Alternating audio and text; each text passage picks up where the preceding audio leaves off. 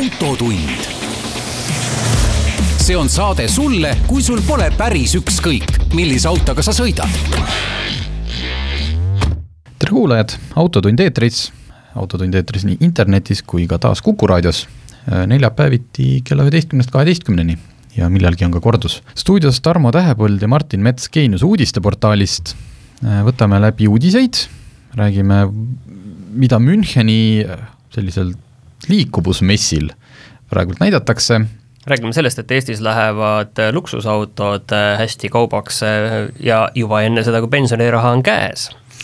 ja saate teises pooles räägime, kuidas me neljarajalist, neljarajaliste teedega läheb, mitte hästi ja et lubatakse, et võib-olla saja aasta pärast on juba valmis ja see ei ole nali, et kui teile võib tunduda, et me teeme nalja, et saja aasta pärast siis ei utreeri. see on reaalsus ja siis on äh, tossavad diislid ja automaks, nii et püsige lainel, me hakkame rääkima automaksust. nii, aga enne seda meie nädala, kuidas nädal läks?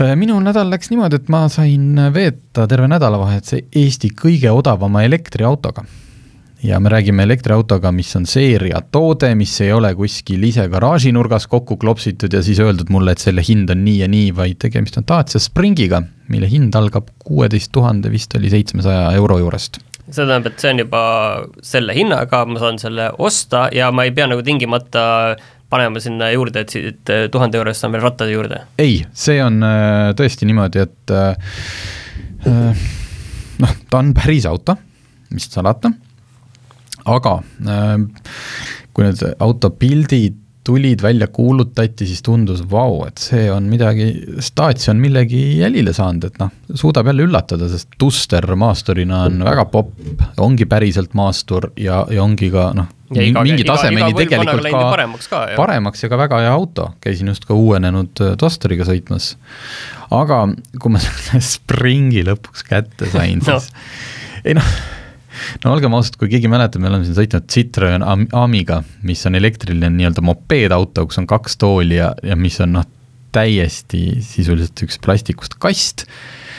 no siis Spring on Spring on, võiks öelda, et hübriidauto, et ta on nagu mopeedauto ja tavalise auto vahepeal. ta on ikkagi, ta on ikkagi minimaalne auto, et sa saaksid teda nimetada autoks, selles mõttes. ma sõitsin temaga ka Tallinn-Tartu maanteel, sõitsin klassikalist tikupoissi sinna Paia risti. ja sinna, selle teema juurde me tuleme täna veel tagasi. ja äh, sada, noh, seal on see saja kahekümne lõik ja ta sõidab saja kahekümnega, ta sõidab ka saja kolmekümnega mis spidomeetri järgi korraks oligi sada kolmkümmend üks, see on noh, kõige-kõige kiirem, mis selle autoga saab sõita, ta ei lähe kiiremini. aga pikk see, pikalt ta siis lubab sul nagu sõita äh, järjest? kui ma saja protsendiga sõitma hakkasin, siis ta näitas, et ma saan sõita sada üheksakümmend kilomeetrit. Äh, paar päeva hiljem äh, ühel hilisel öötunnil läksin sõitma samuti sada protsenti akut, väljas oli kuus kraadi kül-, juba, mitte külma, sooja, näitas sada viiskümmend viis. aga noh, normaalne, piisav linnaauto, Dacia Spring on linnaauto, see on nagu kohe teada, ma testisin, jah, ma saan sellega Tartusse minna, kui on ootamatult vaja, lihtsalt Paia ristis peab, eks ju, uuesti aku täis laadima. Äh, ja selle saja kahekümne pealt oli tegelikult sõidetav, selles mõttes ei olnud niimoodi, et noh, nüüd ma olen tõesti noh, hirmul ja pigistan sellest autost viimast, ei noh, natuke mühises ja kõik oli täiesti okei okay lihtsalt tagasi tulles ma sattusin mingite tuulehoogude kätte. ja vihmaga, ja vihma. autoga sattusid tuulehoogude kätte. just, ja Jeesus. siis ma, siis ma sain aru, et ei, see on linnaauto, sest et okei okay,, praegult suvisel ajal on noh, saab, saab hakkama hoiad rooli kõvasti vastu. aga kujutan ette, kui tee oleks natuke lumine või must jää ja siis noh, mingi reka või asi must mööda paneb, auto on hästi lühike, hästi pisike see viskas mu sealt tee pealt minema, ma ei tundnud, et ma tahaks selle autoga tegelikult sõita kiiremini kui sada kilomeetrit tunnis, äh, ka kiiredel mitte, ja ma ei tahaks selle autoga kindlasti sõita talvel. ja seest on muidugi niimoodi, et tegemist on ikka noh, minimaalse ma kujutan ette, aga üks asi tegelikult, mis sa nüüd nagu siin ütlesid, et tegemist on linnaautoga. et nii palju, kui sa jälle käid kuskil ühe auto, mingi autoga sõitmas, siis teise autoga sõitma, siis see nagu järeldus hästi tihti tuleb sealt see, et nojah, et kokkuvõttes tegemist on ikkagi linnaautoga, et neid on ikkagi väga palju viimasel ajal, et Eesti on ikkagi hajaasustusega jaa, ei, elektriautod enamik ikkagi ongi pigem linnaautod, ma tean, elektriauto fännid praegult ei saa jälle aru, millest ma räägin, ma võin kunagi sellest pikemalt rääkida, kuidas ma Škoda Enyaq'iga Setumaal seenel käisin. Et.... jäid mitmeks päevaks ära, jah? noh, peaaegu oleks jäänud jah, aga aga noh, Dacia Spring, et äh, tihti jõuame selleni jah, et on kas selline linna kulleri auto, selleks on see sada üheksakümmend või ka talvel mingi sada, sada kilomeetrit sõiduulatust täiesti piisav, ta on odav, ta on väike, ta on kohutavalt väike, lihtne parkida, väidetavalt neli täiskasvanut meest mahub sisse, proovisime, jah, nad mahuvad sinna istuma ja linnas saab ka sõita nende nelja mehega, aga ühesõnaga jah, et ma natukene selles mõttes, mul olid millegipärast, millegipärast olid kõrgendatud ootused, ma ei tea, miks, miks ma arvasin, et kuueteist tuhande eest saab noh, elektriauto, mis ka seest näeb välja nagu päris auto, noh tegelikult on tõesti, isegi see käiguvalits, noh, keerdnupp, eks ju, kas D ehk siis edaspidi sõit või R tagurpidi sõit ja keskel on N ehk neutral, parking asendit ei ole et sa lihtsalt muudad seal polaarsust ja kui sa seisma jääd, siis sa pead tõmbama käsi piduri peale. aa, et paned N-i peale ja käsi piduri peale, et sellist parki, et äh, parki ei ole, et tal on ikka isegi, isegi see käigu seda käigukasti nii keeruliseks, et jah, just. vot, nii et äh, Eesti odavaim elektriauto, jah, sõidab, aga olemas. sa, on olemas, aga sa pead ikkagi väga palju kompromisse tegema. nii, aga minu äh, nädala kogemus on äh, palju lühem, et äh, mina sain kätte enda esimese mobiilse kiiruskaamera trahviteate. Läksin ka samamoodi sinna statistikasse, kus on juba sajad tuhanded eestlased mind ees ootamas kus huligaanits-, kus sa huligaanitsesid? mina olin Muhu saarel Liiva poe juures, kus Liiva poe kõrval maanteel oli see mõõtja üleval. see on hea koht, sest et sattusin, praamil on vaja ju jõuda. sattusin koos kümnete teiste praami pealt, praami pealt tulijatega, selles mõttes mitte jõudjatega mm, -hmm. vaid tulijatega ja, ja pluss kuus kilomeetrit ja kaheksateist eurot äh, trahvi. et kui keegi veel küsib, et ega ma ei tea, kas seal oli see, see hoiatusmärk ees või mitte, aga kokkuvõttes nagu äh, minul küll nagu sellist tunnet ei ole, et noh, tõesti kogemata, ei teinud meelega, kogemata olin liiklusvoos ja nii edasi. et ei, ei, ei sõida viiekümne alades linna vahel kuskil äh, või küla vahel kuskil äh, tohutute kiirustega, aga et kokkuvõttes ikkagi natuke nagu halb maik jäi suhu, et kuidagi nagu äh, ei tunne, et oleks nagu midagi meeletult halvasti teinud ja teistpidi saad aru, et jah, faktiliselt oli kiiremini, on ju, et et ma ei tea, eks see on, ma arvan, et väga paljudel Eesti inimestel on samasugune tunne, kes, need sajad tuhanded, kes on selles statistikas sees. jah, eks Mart Kase, kes ma tean, on, on meile kirjutanud, edasisse kirjutab, elab Lõuna-Eestis, tegi ka hiljuti postituse, et kuidas septembri esimesel nädalal on Tartu ja Tartu ümbrus, kui inimesed on rohkem liikvel, on jälle, et trahviraha kogumiseks liikuvaid kiiruskaameraid täis pandud. Ja no lisab seal sulgudes, et ärge öelge, et pole täpne ajastus, et noh, see on täpselt selline, et ühtepidi jah, et kooli algus, lapsed on liikvel, kõik on liikvel, et noh, et peaks nagu liiklust rahustama aga teistpidi seda rahustaks ka niimoodi, kui, äh, kui seal oleks sinivalge auto seisaks. kusjuures esimest korda, nii palju kui ma mäletan, siis mul kohaliku kooli juures on alati esimesel septembril, viin lapsed kooli, siis on olnud seal politseinikud äh, tee ääres äh, selle ülekäiguraja juures, aitad lapsi mm -hmm. üle, pead autot vaatavad, on ju, et selline noh, tore selline meeldetuletus nagu kõigile, vaata iga, iga kooliaasta alguses, see aasta ma seda ei näinud, et ilmselt pidin nad tegema, tegelema olulisemate asjadega nagu kuskil kaubanduskeskustes mõnda inimest taga ajama, kellel maski pole ees või midagi sellist, et, et ütleme niiviisi, et kui ma oleks sõitnud, on ju jah, tõesti saja kahekümnega üheksakümne alas ja, ja oleks seda teinud meelega, siis ma tõstaksin käe püsti, ütleksin jah, olen süüdi ausalt, on ju, ja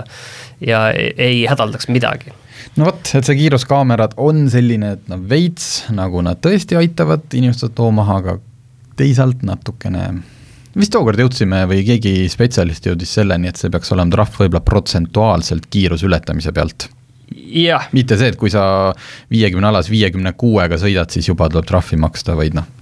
no viiekümne kuuega oleks suurem trahv kui üheksakümnega, siis pluss kuus. just, okei okay,, aga teeme siia väikse pausi ja siis tuleme juba tagasi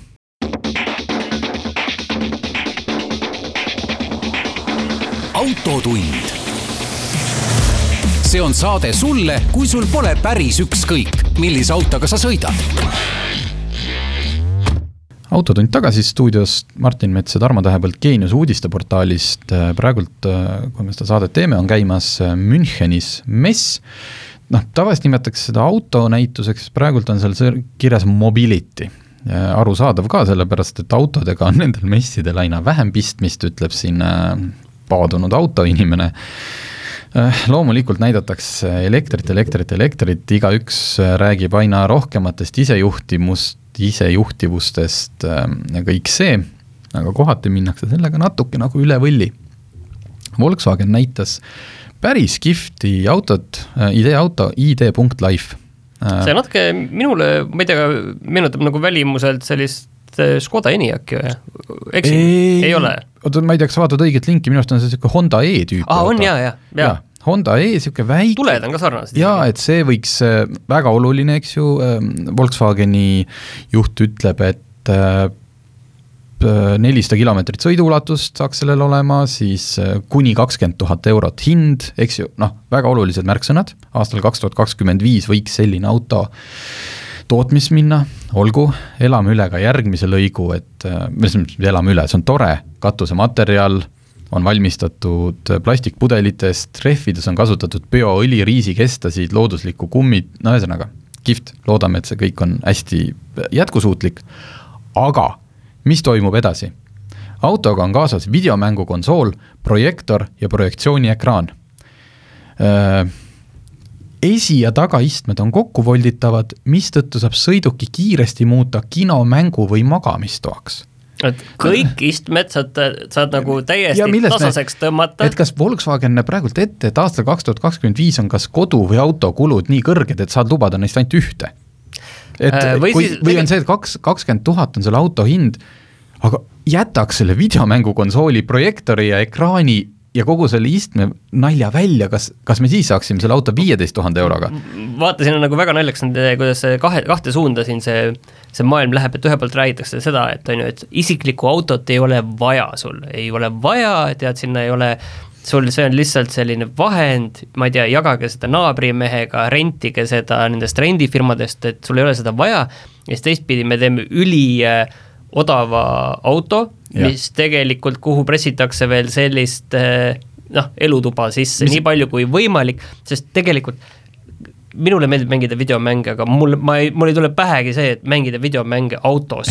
ükskõik, kas see seisab, äh, sõidab äh, või kuskil on, see ei ole mugav, see ei ole mõnus, see ei ole tore, et äh, et see on kas see nüüd siis noh, et ühtlasi äkki ta on siis ka Airbnb-na siis, et ikkagi see jagamismajandus jääb tööle, et sa saad lisaks oma auto selle jagamisele, saad ka Airbnb-s välja anda või? et noh, kuidagi nagu miks, miks see siin otsa oli vaja, näidake nagu jätkusuutlikku, soodsat, odavat, pisikest kihvti disainiga elektriautot miks ta no,, miks ta magamistuba peab olema?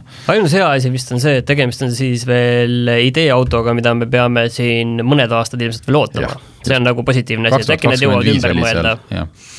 nii, aga räägime tänapäevastest äh,, augusti automüük äh,.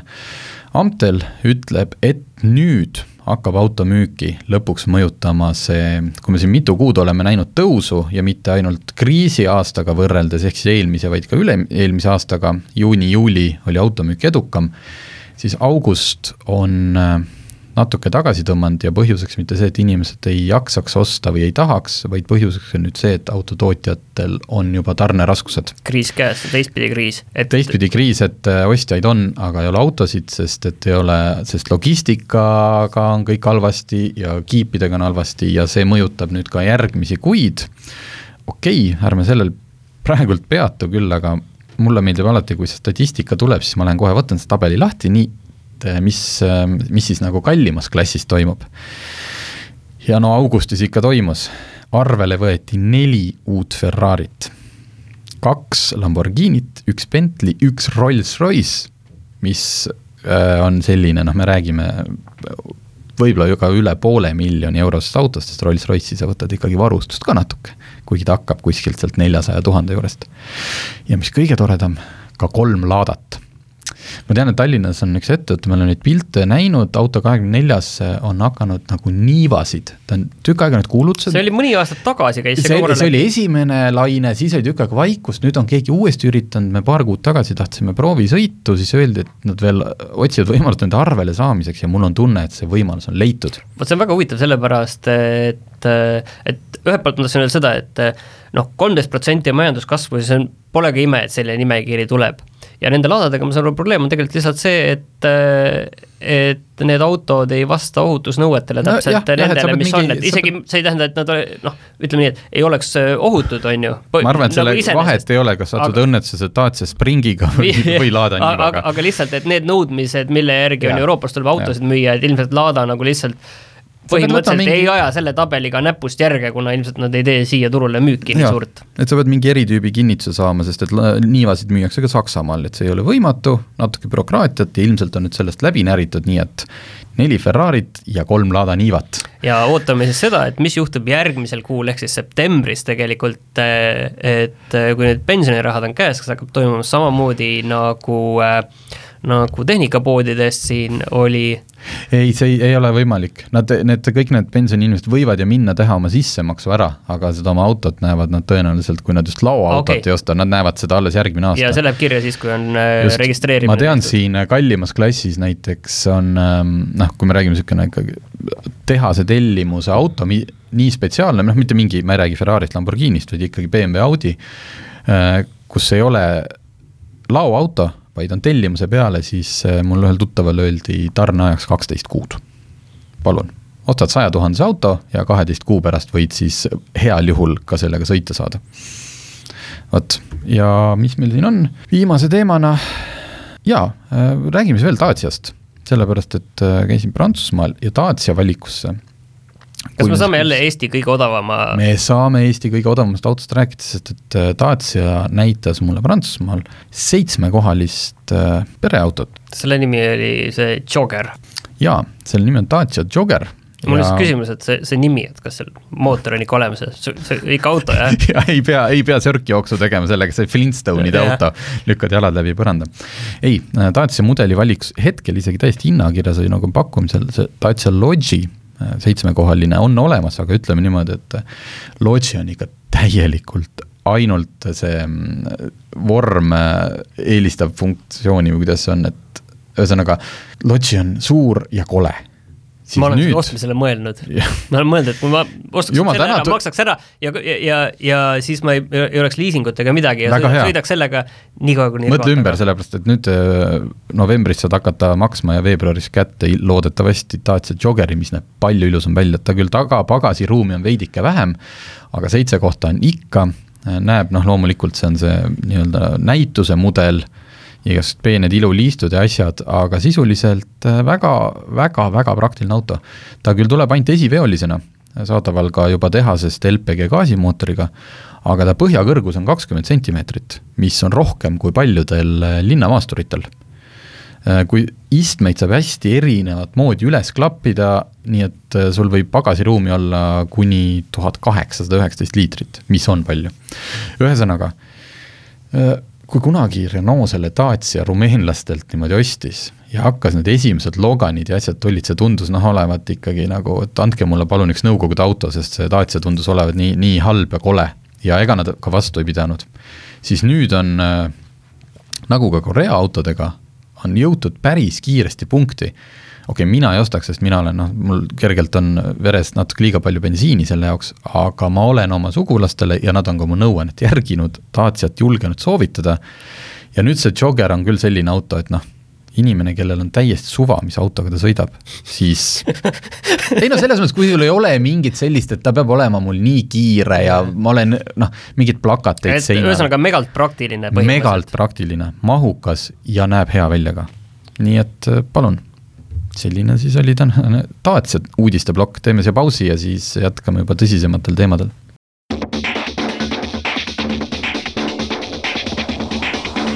autotund.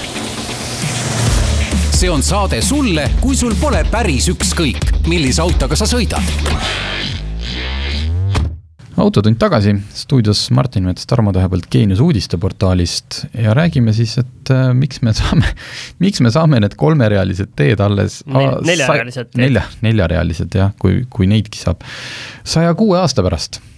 Kui me oleme alati siin, mul on toonud seda näidet, et meist palju äh, allpool olev see eh, kogu, sisemajanduse koguprodukti järgi vist näiteks Horvaatia, kui ma olen seal sõitnud, et on sõidetud nende teedega üle, läbi kaljude, üle orgude, noh, ma arvan, et ühe sellise silla eest saaks meil juba paarkümmend kilti teed ehitada. ma pärast räägin, miks. nii, et miks meil siis see kõik võtab sada kuus aastat veel? see on teede ehitajate noh, ütleme siis ilmselt on seal teatud ka sellist lobi, lobitööd selle sõnastuses, et riiki ja rahvast häälestada selleni, et andke meile nüüd rohkem tee-ehitusraha. ma kujutan ette, et seal ka liisingumasinad jäävad seisma, aga tegelikult on asi lihtne, et et kust kohast see sada kuus kilomeetrit tuleb, on tegelikult sada kuus aastat. või sada kuus aastat, on see, et, et me oleme nüüd kolmekümne iseseisvuse aastaga ehitanud neljarealist teid üheksakümmend seitse kilomeetrit ehk kolm koma kaks kilomeetrit aastas ja kui me tahame Tartusse, Narvasse ja Pärnusse äh, teha ka neljarealised teed, siis see võtab samas tempos äh, sada kuus aastat, et selles mõttes jah, et see matemaatika on siin, äh, siin olemas ja tegelikult see kindlasti on mõtlemapanev. et miks me oleme selle kolmekümne aastaga, kus on olnud nii majandustõuse kui ka langusi, nii vähe tegelikult jõudnud äh, seda teha. nojah, ja, ja näha on, et siin need tee-ehitused ütlevad, et lähiperspektiivis tundub, et riik tõmbab tee-ehitusest raha välja ehk siis investeeringud. majanduskasv on rikkalik, laenamine on peaaegu äh,, makstakse sulle peale sellest, et raha laenad. tegelikult meie, meie järelpärimise peale ikkagi Taavi Aas ütles, et äh, seda, seda võidakse ka ümber vaadata, kui selgub, et mingid äh, laekumised on paremad, et see praegune investeeringute vähendamine oli vist ähm, plaanis seoses sellega, et korraks tundus, et meil läheb kõik, kõik kohe väga halvasti. jaa, see on ilmselt selle kevad, kevadise prognoosi järgi äh, Just. tehtud see, kus äh, sellega koos läksid ka need Kaitseväe orkestrid.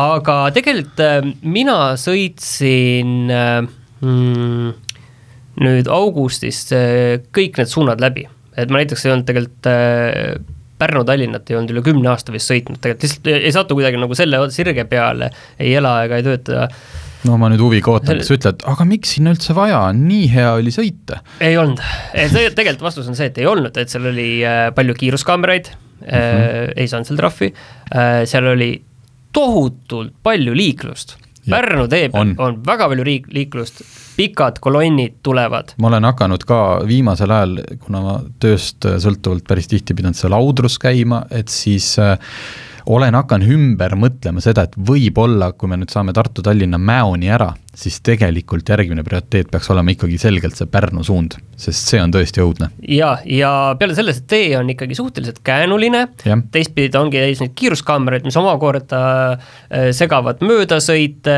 äh, mis on veel kuskil sirgetel, et saaks möödasõite teha, et saaks nendest, neid kolonne nagu hõredamaks sinna tõmmata ja ära jaotada.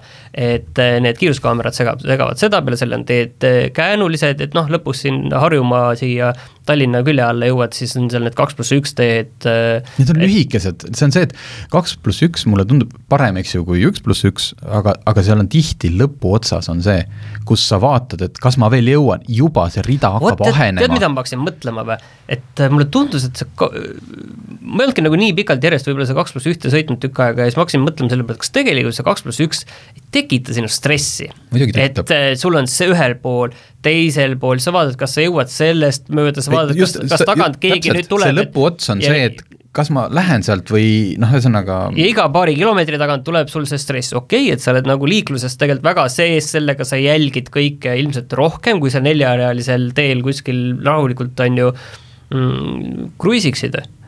aga tundus väga stress, iseenesest tee ja äär kõik nägi ja, väga ilus välja ja mulle tegelikult meeldis, aga sest Pärnu, Pärnu suund on see, kuhu rekkad lähevad Lätti, noh. Talli, Tallinnast Euroopasse, et see on see, miks Pärnu ja. suund on, aga lisaks Oot, ma lihtsalt tahtsin nii. öelda seda veel, et ma sõitsin ka need teised teed läbi, on ju, et et Narva tegelikult on suhteliselt, äh, suhteliselt rahulik, noh, tegelikult neljarealine tee läheb siia, see läheb siis äh, no sinna Rakvere juurde, Aasmäest nüüd veel edasi tehti see, see, ta läheb jah, kuskile sinna ta läheb, on ju, aga ma sõitsin veel äh, peaaegu Narva välja ja tegelikult see on nagu oluliselt äh, hõredama liiklusega, samas äh, kui ikka liiklusstatistikat vaadata, siis, siis see ots, mis on seal kaherealine, see on tegelikult väga palju ja väga raskete tagajärgedega liiklusõnnetusi on just seal olnud. Mm. -hmm et see on selles mõttes ikkagi ka kindlasti koht, millega, millega nagu on vaja tegeleda ja kui ma nüüd jõuame sinna, saate alguses rääkisime tikupoisist, siis mina käisin ka esimest, elus esimest korda seal tikupoisis kohal istusin, sõin seljankat ja, ja vaatasin äh, toredat vaatepilti, kus äh, Tartu poolt tuli üks rekka. ja lihtsalt jäin vaatama, mis selle taga toimub ja ma arvan, et see rida, mis seal järel oli, võis olla vabalt kilomeeter, sest ma lugesin kokku seal üle viiekümne auto, mis oli selle rekka järel mm. -hmm. Nii et, äh, et siin minu meelest ei ole küsimust, kas neid neljarealisi on vaja, et niikaua, kuni meil ei ole nagu teleportatsiooni leiutatud, siis need kaubad peavad äh, liikuma ikkagi mööda teed või kui nad ei liigu drooniga, aga, aga ja peale selle inimesed jäävad liikuma, ükskõik, kas see on siis elektriga, gaasiga või bensiiniga või diisliga, et seal pole nagu vahet. tuumaga, tuumaga, aatami jõul. kas või, aga siin nagu ei ole küsimus selles, et kas seda on vaja.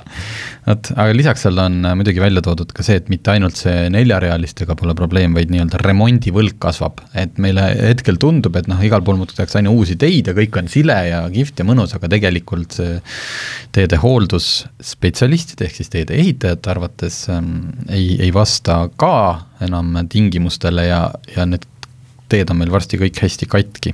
no muidugi oleks vaja parandada, ütlevad parandajad, nagu korstnapühkija ütleb alati, no tegelikult, tegelikult on tõsi, ma olen nõus, on ju, et nagu korstnapühkija ütleb alati, et korstnapühkija võiks ka kutsuda siis, kui ei ole kütmisperiood, on ju, et mm -hmm. et muidu tal kõik need tööd kukuvad ühte auku ja muul ajal keegi ei kutsu teda. Jah, ja sillad ja viaduktid on meil ka väga halvas seisus ja aina halvemaks lähevad, et samas nagu ma ütlesin, Taavi Aas seda asja nii mustalt ei näe et tegelikult äh, on seda remondivõlga võrreldes kahe tuhande kolmeteistkümnenda aastaga ka kümne protsendi või halvas seisukorras teede hulka kümne protsendi võrra vähenenud, et nii-öelda riigil on natuke teine vaade nendele asjadele. nii et noh, mis me sellest loost oota, ma lubasin nagu lõpuks öelda, et miks seda ei ole tehtud, on ju, et no. miks, miks riik ei, ei ole seda ära teinud, et tegelikult on, on see ju olnud äh, et siin mingitel hetkel on tõesti olnud, et kus ütleme, kümme rohkem aastat tagasi, et kus pole olnud raha lihtsalt, et seda teha, on ju, laenamine on olnud kallis ja nii edasi viimased kümme aastat või rohkem natuke on see olnud ikkagi puhtalt äh, poliitilise kokkuleppe puudumine. et isegi on olnud erakonnad ju, kes on lubanud välja, võiks vaadata, mis need aastaarvud on olnud, et mis aastaks, ilmselt kaks tuhat kakskümmend üks võib-olla oli mõni erakond juba lubanud, et me teeme kõik neljarealiseks ära siin mingi aeg tagasi et, et seda ei ole toimunud väga lihtsal põhjusel, sest kui hakatakse kokku leppima, nii-öelda koalitsioonilepet tehakse, siis oi, et need neljarealised maanteed, et huvitav, palju me selle eest hääli saaksime, et nad saavad ju praegu ka sõidetud, et pole ju vahet, et teeme parem erakorralise pensionitõusu või lubame mingeid ja, ja. muid lihtsaid äh, rahalisi või, või mingeid muid äh, hüvesid, selle asemel, et need maanteed ükskord korralikult ära teha. Ja, ja selle see... taha see asi on jäänud lihtsalt sellepärast, et kui sa selle otsustad ja tegema hakkad, siis me oleme seda varem siin maininud, et siis selle lindi lõikab läbi juba kindlasti järgmine valitsus no,. absoluutselt ja peale selle eh, noh. võib-olla sa oled seal järgmises valitsuses, kui sa oled ilusti neli aastat käitunud ja ei ole kuskilt kelleltki vale raha vastu võtnud, aga suur tõenäosus on, et selle lindi võtab keegi teine. vot, ja siin ongi see asi, et eh, me võiksime selle teha ka laenurahaga ja ei oleks mingit muret ja kogu aeg käib häda selle üle, et mis on järgmine suur Eesti asi, et et mis me nagu ära teeme, nagu reaalselt Eestis ära teeme, et kas me teeme Saaremaa silla või või tuumajaama või mm, -hmm. või teeme siis need neljarealised teed, et see ei ole mingi raketiteadus, on ju, et see ei ole tuumajaama ehitamine, et lihtsalt teid ju ettevõtted äh, oskavad teha ja sellega ei ole probleemi, et palun tehke ära ja leppige see kokku, et see, see on suur asi tegelikult. siin muidugi on, et äh, me, me juba näeme sellesama loo, või kui me uurisime seda asja, siis selle käigus juba tekkis äh, riigil siis järjekordne, noh, see on nüüd see popp sõna rohepööre, et nüüd saab seda otsustamist kõike natuke veel edasi lükata, sellepärast et siin on ähm, majandus-kommunikatsiooniministeeriumi transpordi arengu investeeringute osakonna ekspert Juhan Peetre juba räägib, et et seda arengukava jälgides tuleb äh, kasutada nelja astme printsiipi. ehk et enne, oota, enne kui lahendada transpordiprobleem uue taristu ehitamisega, tuleb läbi kaaluda alternatiivid, nii et nüüd me saame siis mõned aastad alternatiive kaaluda. probleemi nõudluse mõjud, ühesõnaga ma ei hakka sulle ette lugema, sa kujutad ette, mis see on, aga nüüd on noh, osalt on seal muidugi, midagi võib seal taga olla, aga, aga nüüd me saame jah, et pole mõtet ju kohe raha asfaldisse laduda, sest äkki me noh, mõne aja pärast on meil, ma tean, liikumine juba nii kallis, et äkki me sellepärast liigume? ei, see liikumine jääb, liikumine on täna ka kallis ja need viiskümmend inimest, kes, viiskümmend autojuhti, kes olid seal tikupoisis selle rekka järel, et ja liikumine kindlasti täna kallis, aga Eestis ikkagi möödapääsmatu ja see asi, et uuesti kuskile, kuskile jälle arutada ja mingeid arengukavasid teha ja mingeid aastaid selle üle mõelda, mitte lihtsalt, et võtta vastu poliitilist otsust, et me teeme selle ära ja ametnikele öelda, et tere, et äh, meil on nüüd selline asi, et me teeme selle asja ära, te tehke see ära. et, et Nii. muud ei ole vaja ju siia lõppu üks niisugune lause sellest samast vastusest, lähtuda tuleb põhimõttest, et riik saab vajaduse korral nõudlust suunata. ehk kui rajame rööbastransporti autode asemel, kasvab rööbastransporti, mitte autokasutajate arv. nii et äh, võib-olla neljarealise asemel igas suunas, ma ei teagi, mis asi, rong siis on? ma ohkan. millal meil see Pärnu rong ära võeti küsi Kadri äh, Simsoni käest. vot okei okay,, teeme siis ühe pausi ja siis lähme teise põletava probleemi juurde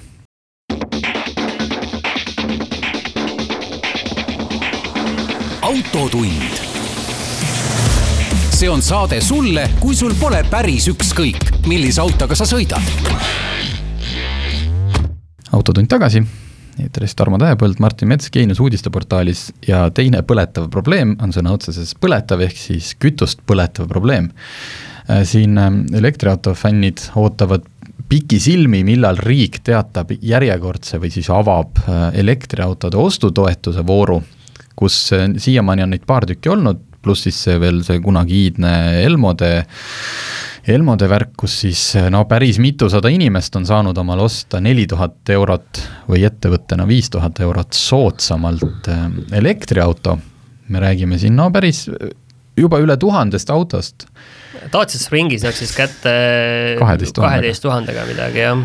Ehk siis, mis peaks päästma meie planeedi ja olema hästi noh, muutma Eesti õhu puhtamaks, aga samas teate, mis taustal toimub, mille peale palju ei mõelda ja millele riik ei ole suutnud kätt ette panna ja ma ei tea, kas ta peaks või ei peaks, on see, et iga kuu lisandub, iga kuu, me ei räägi aastast, kui meil aastas on üks elektriauto toetusvoor, eh, tuhandeid selliseid diiselmootoriga autosid, kasutatud vanu diisleid, mis ei vasta enam noh, põhimõtteliselt äh, tänapäevastele euronormidele. sa mõtled siis, äh, tänapäevane sisuliselt tähendab seda, praegu ta mingi euro kuus aastal kaks tuhat, äh, pärast kahte tuhandet vastu võetud normid sisuliselt. et Euroopas neid, neid autosid saab soodsalt kätte, sest paljud suurlinnad sulgevad euro kolm ja isegi euro neli saasteklassiga autodel, hetkel on meil euro kuus D, see on veel noh, nagu veel kangem kuus ja Eestisse rahulikult, et kui see Pariisi mingisse linna ei või enam Euro kolmega sisse sõita, siis müüme selle auto Ida-Euroopasse või siis Põhja-Euroopasse, kuidas me ennast nimetada tahame, ja sõidame sellega siin edasi. Ja... no aga selles mõttes, et see auto on olemas, see auto töötab, äh, miks ei võiks ta ka edasi sõita, keegi kuskil niikuinii sõidab, planeet on üks, mis siin vahet on? tõsi, selles mõttes küll, et ja see äh, auto üks päev sureb ära, mis siin vahet on? ja siis saab osta alles neid Euro kuutesid, äh, mis on äh, ei saa ju, järjekord on viie, pikk ju. viieteist, viieteist, kahekümne aasta pärast need euro kuued keelatakse seal ära ja siis saab neid Eestis müüa ja see on ring samasugune. jah, selles mõttes sul on õigus, et me vist saame sellele saate nüüd nagu kiiremini kiiremini joone alla, sest on raske vastu vaielda, et noh, on tehtud arvestusi, et tegelikult kui me räägime puhtalt CO2, CO2 ja saaste lõikes, siis need vanad diislid, et sealt, sealt ei lähe enam isegi selle arvutusega läbi, aga uue tootmine maksab ka et see, need vanad tossavad ikka sellisel määral, pluss ka nende ülalpid-, noh, et nende ülalpidamiseks läheb ka sellist, noh, ma ei tea, varuosad, kõik asjad. Ja, ja kui me räägime, et need autod on Euro kolm, siis tihti on noh, nad on Euro kolm tehasest väljudes. praeguseks on nende mootori ressurss lõpuni sõidetud, ilmselt on ka odomeeter keritud, eks ju, kangemad vennad lõikavad sealt ka kõik filtrid ja asjad välja ja sisuliselt on sul noh, niisugune kolmkümmend aastat tagune tase. ja sisuliselt on tegemist sellise asjaga, mis napilt sõidab, selline elav surnu, ilmselt kaua ei, ei sõida ju.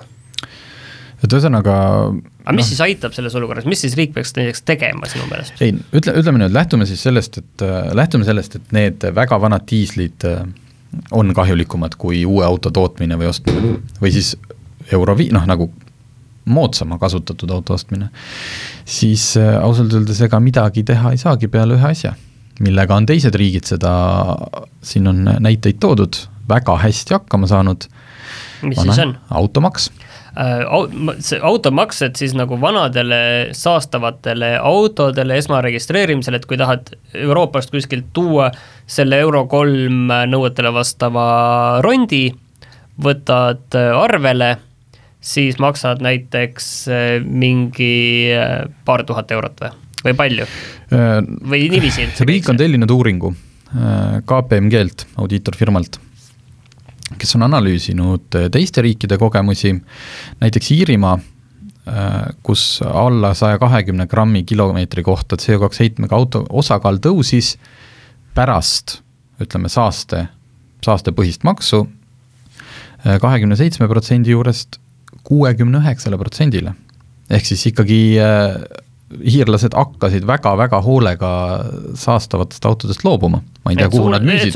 Eestisse ja kui Eestis ei parempool, parempoolne liiklus, ma ei tea, kuhu hiirlased suunasid. okei okay,, aga okei okay,, kui, kui Eestisse ei saa, siis nad lähevad Lätisse, kui Lätisse ei saa, siis lähevad Ukrainasse, Ukrainasse ei saa, siis lähevad Kasahstani, et siis, et ma saan aru, et idee on see, et peaasi, et lükkame selle probleemi kellegi teise oota, põllu oota, aga kui sa nii võtad, siis see kui, kui me võtame selle hästi kõige kaugema, siis nemad loobuvad seal ju selle asemel nagu ka mingist euro üks ja võtab kasutusele juba euro kolm. nii, siis euro kolm asemel ta võtab kasutusele lõpuks euro viis, okei okay äh, ma ei tea, mis nendest saab. aga mina arvan tegelikult, et, et see automaks, et jah, see on nagu hästi lihtne jälle vastu võtta mingi, mingi, mingi seadus, mis hakkab seda asja reguleerima ja väga tore, aga tegelikult mulle tundub, et see on ju probleem, mis aja jooksul laheneb ise ära, need, need autod saavad otsa ju neid autosid ei ole mingi hetk enam mõttekas tuua. no see võib see, olla. see, see on lihtsalt, me teeme mingi seaduse, mis mingiks ajaks nagu on, kogume mingit marginaalset maksu, mis see... summa kokkuvõttes, jah, neid võiks kuus tuua tuhandeid, aga, aga nendest ainult osa on ju tegelikult need, mis on nende äh, saastavad Euro kolmed ja siis meil on mingid reeglistikud ja asjad ja maksud ja siis ühel hetkel see muutub ja. täiesti nagu äh, margi-, veel marginaalsemaks, ma ei tea, kas on mõelnud mõtet. siin on praegult see, et, et ma ei tea, kas see kõik, eks ju, meie, meie planeedi päästab, aga meil on lihtsalt kiire sellega seoses igasuguste Euroopa Liidu nende plaanidega, mis sulle riigile kui sellisele toovad lõpuks trahvi kaela, jätame selle looduse päästmise kõrvale, et sul on vaja lükata kõik jälle mujale, jah, et just, et sul on mhm. vaja siin need sisemised kvoodid paika saada. see firma on siis ka arva-, noh, nagu arvutanud sellise keskmise, et kui see oleks aastane maks sinu auto pealt, siis see keskmine jääks saja seitsmeteist euro juurde aastas. päris vähe päris vähe, noh, selles mõttes, kui sul on äh, mingi üheksakümne kuuenda aasta ökodiisel, ilma DPF-ita ökodiisel, äh, ökodiisel, no ja öko kulu mõttes. kolm euri, kolm liitrit äh, siis sina maksad ilmselt, ma ei tea, kolmsada ja siis keegi teine, kes on noh, napilt seal piiride juures, maksab võib-olla viiskümmend, aga näiteks alla saja kahekümne grammi kilomeetri kohta heitmedega autodele seda ei tuleks üldse maksu et ähm, ma siin hakkasin uurima, et mis sellised autod on, et noh, kui sa praegult jalutad poodi ja ostad tutika hübriid Yarise, Toyota Yarise, see vist oli kaheksakümmend seitse grammi, Corolla Trav4-d jäävad kuskile sinna saja kahekümne juurde. aga teine variant oleks, et registreerimistasu, et sissetoomisel mm. -hmm.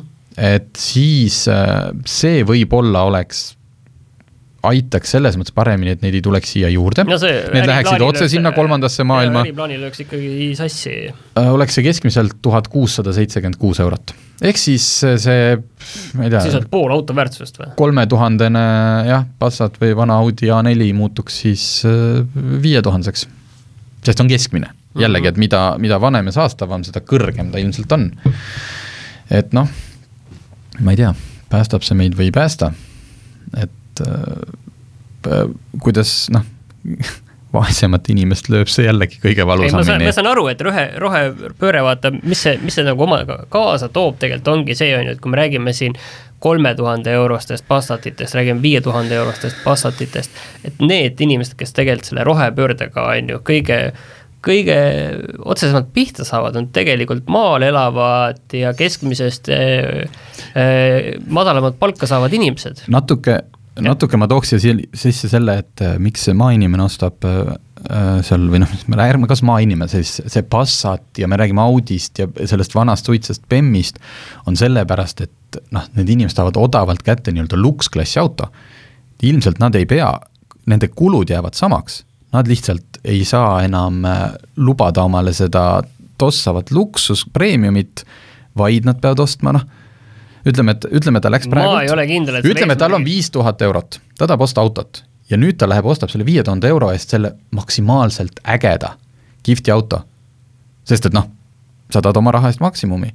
aga nüüd ilmselt siis ta peab selle viie tuhande euro eest, ega noh, läheb ostab mingi tavalise lihtsama, ma ei tea, Toyota, Mazda, et ta ei kaota, selles mõttes ta ei jää nüüd nagu ilma autota. lihtsalt äh, selle auto kasutuskvaliteet nagu langeb. Või see, ühesõnaga, mis sa selle raha eest saad.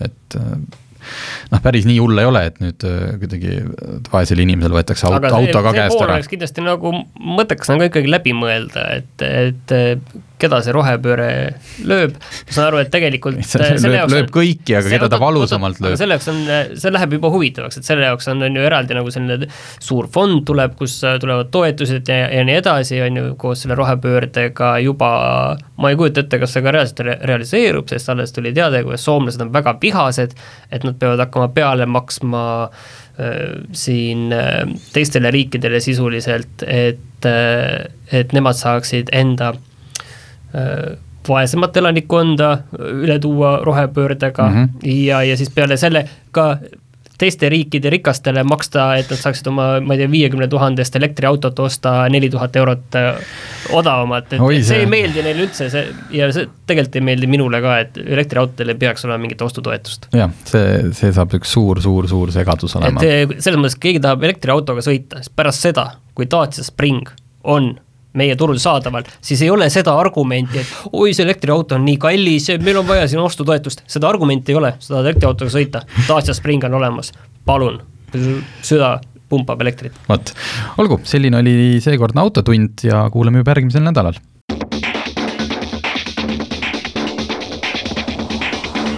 autotund.